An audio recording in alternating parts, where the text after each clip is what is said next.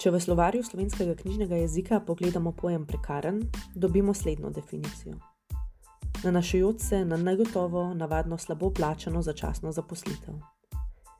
Kljub slovarskemu opisu pa izraz prekarno delo nima enotne definicije. Pod tem pojmom se skriva cela kopica različnih oblik dela, ki si delijo skupne značilnosti, kot so negotovost in nestabilnost zaposlitve, fleksibilnost na trgu dela in manj pravic zaposlenih. Zato so ravno prekarne oblike dela, za razliko od klasičnih oblik zaposlitve, tiste oblike, ki v večini primerov postavljajo delavca v precej deprivilegiran položaj. Poleg prvih izkušenj na trgu dela, ki so veliko krat prekarne, v večini primerov študentsko delo, se večkrat zgodi, da so mladi tudi kasneje v življenju ujeti v prekarne oblike dela, saj trendi v zadnjih letih, predvsem v času krize, gredo v smer večanja fleksibilnosti na trgu dela, ki se je izkazalo kot sredstvo za povečanje prekarnosti.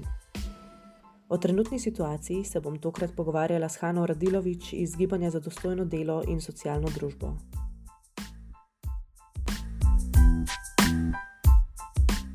Živijo, Hanna. Živijo. Nam za začetek lahko poveš malo o sebi in o tem, kako si postala del ekipe Gibanja za dostojno delo? Ja, se pravi, najprej hvala za povabilo na podcast. Um, gre za v bistvu društvo, se, v katerem se združujemo, predvsem mladi, v glavnem študentke, študenti, ki v bistvu se prvič srečamo z nekim prekarnim, negotovim delom že v času študija ali pa celo še kot dijaki. Se spomnim, sem delala še. Um, v, v, na zelo nizkih, recimo, postavkah urnih, ne vem, mislim, da je bilo tako dva cela neki celo še, ko še sploh ni bilo usklajeno z neko minimalno urno postavko, tako da se začel že zelo zgodaj. Um, v glavnem o gibanju, uh, ki je zdaj že aktivno svoje 12. leto, um, se že od začetka ukvarjamo z nekimi pravnimi oblikami dela, ki se uvajajo ali na novo, ali se pa pač razširjajo in ki predstavljajo nek odklon od neke klasične redne zaposlitve z vsemi pripadajočimi delovskimi in socialnimi pravicami. Tako da v bistvu združuje to nekakšno terensko delo in pravna svetovanja in ozaveščanje. Super, povedala si že, da društvo sestavljajo študenti. Kaj bi pa izpostavila kot tisto res glavno točko, za katero se borite? gre se za ne samo neke od zgoraj na vzdolj rešitve, torej ne samo neke zakonodajne uh, spremembe, ki bi tudi bile potrebne, seveda, recimo zakonitev minimalne urne postavke za netipične oblike dela in tako dalje. Um, ampak se gre tudi za poskuse organiziranja ljudi na terenu, torej da se od spodaj na vzgor začnejo uh, delati spremembe, ker tudi če je nekaj zapisano v nekem zakonu, že zdaj imamo mnogih, mnogo pravic, katere se v praksi pač ne upoštevajo, zato ker ljudje niso v sindikatih, hm. niso združeni, ne poteka ta neka, nek pretok informacij, da bi se povezovali med sabo. Mnogi v, vem, izmed samozaposlenih in ostalih, predvsem kreativnih delavk in delavcev, se sploh ne smatrajo kot delavke in delavci, ampak se imajo za pač podjetnike, za samostojne ustvarjalce. Um, kar sabo prinese tudi pač težave pri združevanju, ne, pri solidarnosti. Mhm. No, danes smo te pa v škudi povabili ravno zato, da govorimo od prekarnega dela. Pa nam na začetku sploh lahko poveš, kaj je prekarno delo. Zdaj, prekarno delo se je začelo uporabljati uh, v zadnjih desetih letih za opisovanje teh novih oblik dela, ki se bolj razširjajo. Torej, skuša se zajeti tukaj neke pravne oblike, hkrati pa tudi nekaj, kar posega celo v. Uh, to, kar smatramo kot klasično zaposlitev. Torej, pač tudi, če si ti klasično zaposlen v nekem, recimo, temu družinskem podjetju pri nekom, še vseeno lahko imaš elemente prekarnosti v smislu, da nikoli ne veš, da te bodo odpustili, da imaš mobbing, da nisi v sindikatu in ne uveljavljaš pravic, ki jih, čeprav jih imaš na papirju, v, re, v realnosti za te ne obstajajo, zato ker nimaš ali denarja za tožbe, ali pa pač se prav varnosti v števila v nekih združenjih. Tako da ja, gre se v bistvu za to, da um, se je celo začel o tej prekarnosti zadnje čase govoriti kot o nekolikšni znanstveni fantastiki, čisto v tem smislu, ko je težko znanstveno zagrabiti, ker so se začeli tudi pač sociologi in ostali res, resneje ukvarjati s tem, kot pač uh, nekim vidikom razmerja med delom in kapitalom. Um, se je tudi zdaj začela ukvarjati s tem uh, Maja Breznik, katere delo, eh, mezno delo, nova, nova, nova izšla knjiga, zdaj močno priporočam, kjer tudi bolj sociološko, eksaktno opredeli um, elemente, ki pač vodijo v to, kar danes smatramo v aktivističnih krogih kot prekarno delo, torej nek, neki resni odkloni od že priborjenih pravic. Pa nam lahko našteješ nekaj delovnih razmerij, ki spadajo pod prekarne oblike dela? Ja, gre se za vse od se pravi, dela na črno uh, in sive ekonomije do pač uh, teh oblik, ki so zdaj v spredju, torej samo zaposlitev, honorarno delo preko avtorskih pogodb, podjemnih pogodb, študentskega dela. Potem so tudi agencijska dela, torej pač, da imaš posrednika dela, se tudi študentsko delo je vrsta posredništva v resnici, ampak potem imaš veliko čistilk in tako dalje, ki delajo preko agencij in v bistvu nimajo zaposlitve neposredno pri pač, podjetju, v katerem delajo, v tisti hiši, ampak jih nekdo posreduje in se težje pogajajo za svoje delovne pogoje, da bi jih izboljšale. Um, težje se združujejo med sabo, zato ker so razkropljene pač med različne delodajalce v, v razliki s svojimi sodelavci v bistvu v tisti hiši. Ne. To je bil tudi pač problem na uh, fakultetah, pa se je to zdaj začelo počasi reševati, ker so začeli neposredno zaposlovati uh, te čistilke. Tako da, ja, velik različnih oblik. V eni od raziskav na temo prekarnega dela pa sem zasledila, da se pod prekarstvo v bistvu vršča vse vrste dela, ki nimajo podpisane pogodbe o zaposlitvi za nedoločen čas. To drži?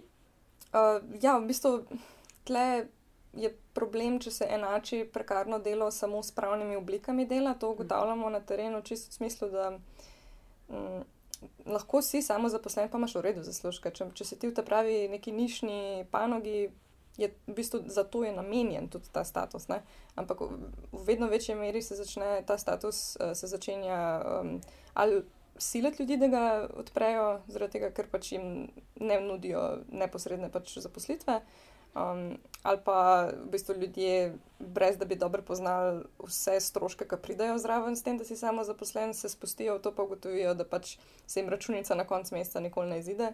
Zato, ker smo tudi zdaj delali te izračune z dvigom uh, prispevkov socialnih, ki so se zdaj zgodili uh, z dvigom minimalne plače in uh, sklajevanjem s poprečno plačo, da ti rabeš kot samozaposlen, recimo, Jurija 600 zaslužiti na mesec, da si res pokriješ vse uh, zadeve in pač nekako imaš dostop do vseh pravic, ki bi jih imel nekdo na minimalni plači, ki je zaposlen. Tako da pač je fulne skladnosti.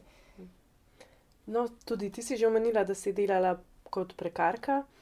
Pa me samo zanima, če lahko znam deliš kakšno izkušnjo. Ja, sej, od pač diaškega študentskega dela um, imam kar precej izkušenj v različnih zadevah, od tega, da sem v skladišču delala z upokojenkami, ki so v bistvu tudi same prekarke v tem smislu, ker pač uh, predstavljajo neko cenejšo delovno silo za delodajalce, ki pač rajš kot da bi nekoga zaposlili uh, neposredno, potem najemajo upokojenke, pa študente, pa dijake. Pa in sem bila v neki pač kot podobni situaciji tam, uh, potem v gostinstvu, ker nikoli ne veš, kdaj te bojo nazaj poklicali. Sem imela, ne vem, izpitno obdobje in sem potem hotela se vrniti nazaj, pa me niso več vzeli, ker so že imeli nekoga drugega. Um, potem izkušnja prikritega raz delovnega razmerja je tudi pač aktualna. Da, ampak to je tudi, ne vem, recimo temu nevladni sektor je to kar prevzel za neko stalnico, pač te prikrite delovne razmerja in vse to, kar se tudi um, ker se na nevladni sektor prenaša toliko enih nalog, ki bi jih država morala delati, um, da v bistvu smo totalno vsi preobremenjeni in delamo več kot pač uh, ima organizacija na voljo, da nas poplača. Ne. Ampak ker čutimo tako obvezo, pa tako dožnost, pa ker pač imamo nek občutek skupnosti v teh organizacijah in nevladni sektor poln pač prekarnosti. Ja, pa sklepam, da si morala biti dosegljiva na telefon, ne glede na to, Bilo, rekla si že izpitno obdobje, sklepam, da tudi ura v dnevu ni ravno. Ja, ker zveš dan prej, da boš delal naslednji dan ali pa ti skenslajo kar tako na hiter. Ampak to vse, kot sem prej omenila, je tudi problem v neposrednih zaposlitvah. Se pravi, zdaj recimo je aktualen pro, uh, primer uh, v trgovskih uh, verigah, se pravi Lidl, uh, zdaj je pač aktualen ta sindikat Lidl, um, kjer tudi to delajo. Ne? Da v bistvu ti imaš uh, določeno, ta dan boš delal tok pa tok, potem pa sred dneva pošljejo domov, zato ker vidijo, da ni tok uh, posla, ne? da ni tok strank. In kar, se, kar je Lidl do zdaj počel, pa mislim, da zdaj so se zmenili, da ne bo več, oziroma se še vedno borijo na tej točki, je to, da ti niso šteli tistih ur, ki so bile pisane na urniku, pa jih nisi dejansko delal, ki si šel domov, ti jih ne dajo v banko ur, pač, uh, ki se pač nekako um, sešteva tekom meseca in pač iz, teh, iz te banke ur si pa lahko kaj frej vzameš, pa kaj tako. Um, niti jih ne izplačajo. Ne? Tako da so v bistvu kršili zakon s tem, ker če ti nekdo isti dan reče, da pač ne boš delal to, kar je bilo na urniku, ti mora vse en šteti tiste ure. Zato, ker pač si bil pripravljen na delo in si, si pač skliral urnik samo za to. Tako da pač je širom različnih pravnih oblik dela to prisotno. Kakšna je pa nasplošna situacija med mladimi v Sloveniji in prekarnim delom? So atipične oblike dela močno razširjene med mladimi?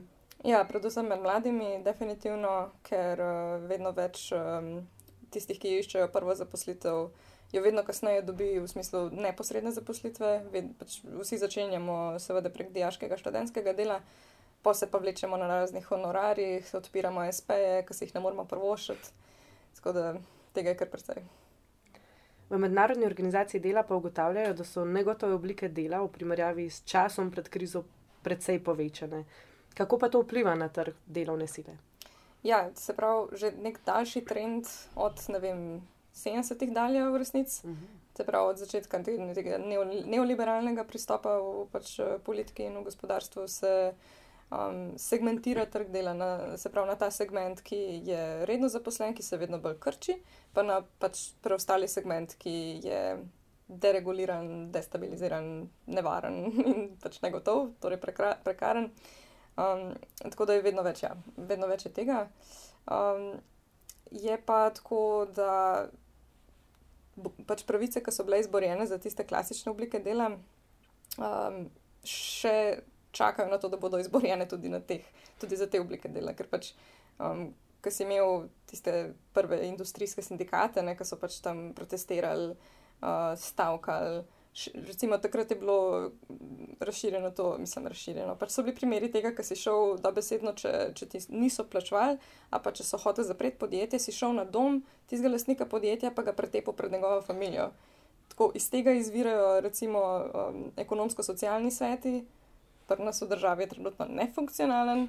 In čakamo na neko splošno stavko, da nas pač, kako li govorijo, poteka uh, splošna stavka v vzgoju in izobraževanju. In pač stavke so namenjene temu, da se pač prisili pač, uh, podjetja oziroma lastnike k pogajanju. Torej, to bi se moralo začeti dogajati tudi pri uh, samozaposlenih in vseh ostalih, ampak je treba uzakoniti tudi pravico do stavke pri mnogih od njih. Zato, trenutno zakonodajno so tudi problemi, da bi se lahko to sploh, da bi imeli pravico zapisano. S tem, da tudi v drugih državah, pač v Sloveniji imamo v bistvu relativno urejeno pravico do stavke, ampak v drugih državah stavkajo tudi proti zakonu, ampak je preprosto, si iz materialnega vidika. Dejstvo, da pač so v tako podrejenem položaju, da nimajo več kaj izgubiti kot svojih verik, če tako rečem. Ne? Tako da, ja, tako to pa gre. Prekarnih oblik dela in kako se te posledice kažejo v družbi. Ja, vsekakor, če pogledamo že sam demografsko, se uh, staramo, kar že tako tako prinese več uh, obremenitve za pokojninsko, pa za zdravstveno blagajno. Uh, poleg tega se pa prekarne oblike dela uh, so znane potem, da povzročajo izgorelost, full stresa.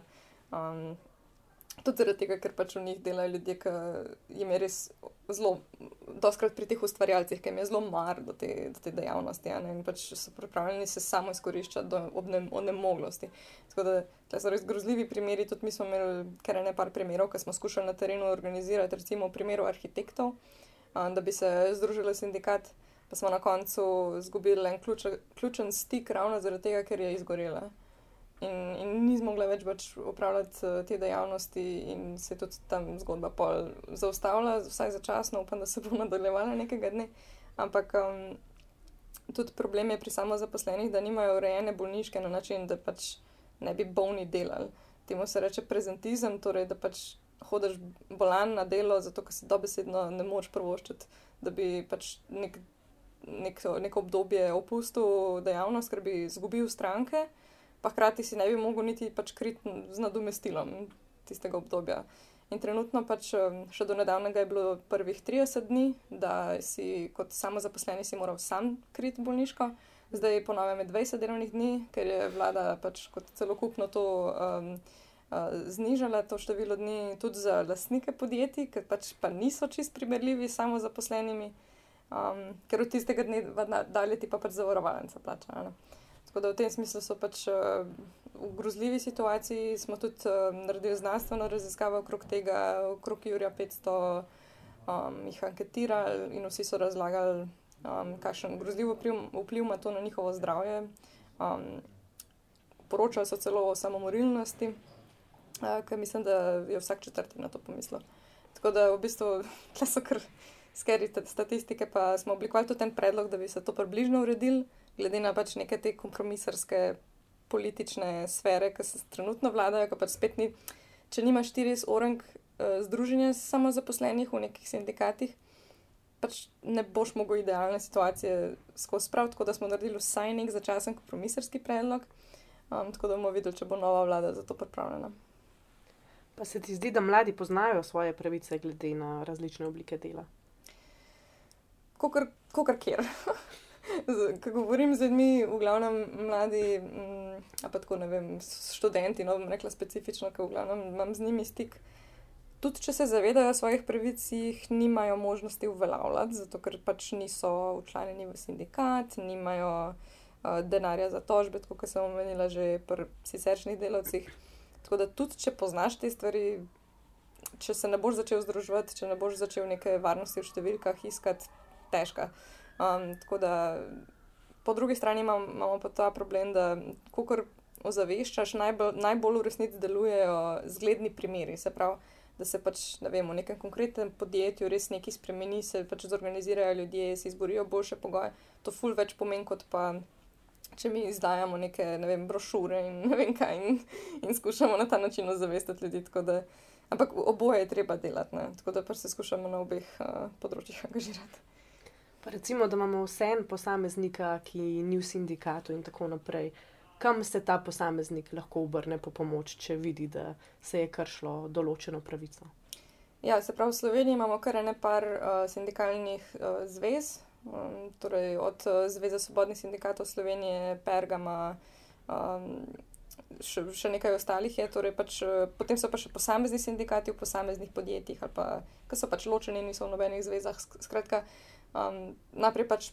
Je fajn pogledati na spletu ali pa druge, um, kjer, pod kjer sindikat bi lahko spadal, se pravi, ker se približno na tvoje dejavnosti ukvarja z pač problemi um, delov, delovnega prava. Um, s tem, da veliko ljudi pade pod, se pravi, pri teh prekarnih oblikah dela, fulfolka pade pod civilno pravo, se pravi, ne delovno pravo, zaradi tega, ker tehnično gledano niso v delovnem razmerju, pač niso mhm. zaposleni, ampak so pač sklepajo pogodbe kot enakopravni partnerji ali neki, ne? kot da podjetje s podjetjem, malo da ne. Um, tako da pač tukaj dejansko rabiš pravnike, ki se spoznajo tudi na civilno pravo, na te civilne pogodbe. Um, tako da uh, kar je nekaj sindikatov oziroma sindikalistov, ki so dejansko borbeni, uh, se na tem področju na tak način tudi lotuje stvari. Tako da um, tukaj je treba res pač poiskati uh, tiste prave ljudi, ki se bojo postavili za te. No. Ker tudi problem je pri sindikatih, da je večkrat tak hecen odnos do, do samozaposlenih, specifično, pa tudi na splošno do prekarcev, ki znajo delovati zelo preračunljivo, zelo individualistično, ker je v to tudi nas vzgaja ta družba, ne? da pač misliš sam na sebe. Pa misliš zelo kratkoročno, ne misliš dolgotrajno, ne misliš na svoje pokojnine, recimo, ki so tudi se grozljive stvari napovedujejo. Mm. Ampak skratka, poleg sindikatov, no pač um, je fino se obrniti tudi na inšpektorat za delo, Uh, sicer ima omejene uh, zmogljivosti, pa praksa ni vedno najboljša, ampak je pa treba naslavljati čim več primerov na to, zato da vsaj ne morajo reči, da oh, se, se nisem, nač niti prijavil, se ne, nismo zabeležili problemov. To, da vsaj imajo to evidenco. Um, sicer pa ja, pač apelirati na politične predstavnike, se angažirati na lokalni ravni, um, v bistvu se povezovati s svojimi sodelavci, s svojimi kolegi na področju in skušati pač. Uh, do nekih združenj in večje solidarnosti prid. Tu je pa seveda treba upoštevati tudi to, da so se časi in miselnost generacij precej spremenile. Se ti zdi, da je klasična, torej za 40 let zagotovljena služba na enem in istem delovnem mestu med generacijo milenicev res takšna želja in ideal, kot je nekako po defaultu veljala za generacije njihovih staršev? To je dobro vprašanje, ker v bistvu odpira ravno um, ta problem odnosa do teh klasičnih zaposlitev. Um, ker je res, da tudi klasična zaposlitev ni neki idealen svet. Pač zaradi tega, ker imaš še vedno kot delavec, nimaš besede pri upravljanju produkcijskih sredstev, nimaš besede pri upravljanju podjetja. Še posebej pač po osamosvojitvi Slovenije se je ukinil, v, v praktično ukinil delovske svete, oziroma svete delavcev v podjetjih, ki so bile do takrat pač praksa splošna. Um, tako da v bistvu imaš res pač tako podrejen, brezvezen položaj in občutek, da ne moreš, nimaš vpliva na svojo usodo. Um, tako da to res je treba razumeti, ljudi, da nočejo take zaposlitve, da so raje las, sami svoji šefi, kot pa da delajo pri nekem šefu. S tem, da tukaj spet pol. Je treba vedeti, da tudi če si sam svoj šef, si včasih še večji tiran kot pa kdo drug, mm. ker si se pripravljen fulbol samo izkoriščati in sam se podrejati kot pa komu drugemu, kar prinese sabo, ker so preomenile te zdravstvene probleme in tako. Um, ampak to so v bistvu um, vse stvari, ki jih je treba nekako nasloviti na način, da pač ne gremo v neke stare. Uh, prakse, ampak uh, v neke stare oblike zaposlitve, ker ta fordističen sistem se nam je kol vrnil. Dejstvo je, da tudi slovensko gospodarstvo, peri, pol periferno kot je, torej ne proizvaja dovolj dobičkov, da bi dejansko bilo zmožno počrpati uh, vso delovno silo, ki mu je na voljo. Niti v obliki rednih zaposlitev, niti v obliki prekarnih pač, uh, del. Um, plus to pa tudi, če bi bili, ne vem, recimo temu zelo dobičkonosna država, um, kapitalizem deluje tako, da rabi armado brezposelnih, armado brezposelne delovne sile, ker nekako mu zagotavlja to, da če ima nekoga zaposlenega, pa un noče delati za take pogoje, kot mu jih postaviš, rečeš, jaz sem sam zamenil, a ne se le koliko jih čaka v vrsti spredi. Ne? In je pač v bistvu moramo iti na, v neko smer, ki bo presegla vse to. Um, zdaj, vsaj neke začasne rešitve so lahko zadruge. Um, torej, zadružna podjetja, um, tudi recimo v stanovanski politiki, se gre vedno bolj v to smer, uh, se pravi, stanovanskih zadrug. Uh, in pač v zadrugi se mi zdi, da se fino združi ravno to dvoje. Se pravi, po eni strani imaš, uh, ker bi bil zaposlen na zadrugi, um, imaš dostop do teh uh, delovskih in socialnih pravic, ki pripadajo zaposlenim, po drugi strani pa ne gre v noč to, kar so se zdaj samo zaposleni in ostali učili. Um, zaradi tega, ker so pridobili full veščin, ne vem, administracije, furat svojih računov, svojega podjetja, neke podjetniške žilice so lahko razvili in pač to je vse ful pomembno. To v bistvu pomeni, da znajo upravljati z vlastnim podjetjem. In pač, ker pa fu, neko, neko pretirano število samozaposlenih, kot recimo vlada v arhitekturi, um, je, ne, ne, ni smiselno vzdrževati, zaradi, tudi po eni strani zaradi narave dela, po drugi strani pa zato, ker noben od njih ne more zaslužiti dost, da bi pač sam sebe pokril na koncu meseca, um, je fino združevati to v pač večje enote, ne se pravi v večja zadružna podjetja in tako. Tako da na ta način bi si delili stroške, pač administracije in računovodstva itd. Um, hkrati bi si delili stroške trženja, uh, delili bi si lahko stranke, In pa če, če posamezen samozaposleni včasih nima dovolj um, posla v nekem obdobju, um, ga lahko krijejo drugi, ne, se lahko ima neko zaledje. Tako da pa še neka solidarnost se na ta način naredi, tako da pač sta nekako oba vidika pokrita. In upravljanje s podjetjem, da imaš besedo pri svojih delovnih pogojih, in hkrati pač imaš delovske pravice. Potem pa še čisto za konec. Imaš kakšen nasvet za vse, ki so trenutno zaposleni kot prekarci, oziroma so v situaciji, ko ne najdejo druge alternative kot prekarnega dela? Je prvo to, da niso sami, um, da pač uh, ogromno ljudi izkuša podobne reči kot oni. Um, in vsi rabijo neko povezovanje, vsi se rabijo začeti večkrat bolj uh, naslanjati en na drugega, si deliti svoje probleme um, in jih tudi začeti skupinsko naslavljati. Um, zato, ker se nič ne bo spremenil, če bomo skozi prelagali odgovornost na druge. Bistvu se, res je treba, da se sam zaangažiraš, ker tudi delavci, ki jih gledamo zdaj, ne vem, v javni upravi ali pa ki se vedno govori, da je ta javni sektor, to ima vse zrihtan, so to oni niso to dobili na pladno. Folk je umiral na ulicah. Pač to, to so bile stavke nore in, in te stvari se ne dobijo zlahka. Tako da pač tukaj treba še vse to narediti, upam, da na manj krval način ampak treba je nekako zbrati ta pogum, pa lažje v skupini, kot pa sam. Ja. In s tem super nasvetom bomo zaključili. Najlepša hvala za pogovor. Hvala za vabilo.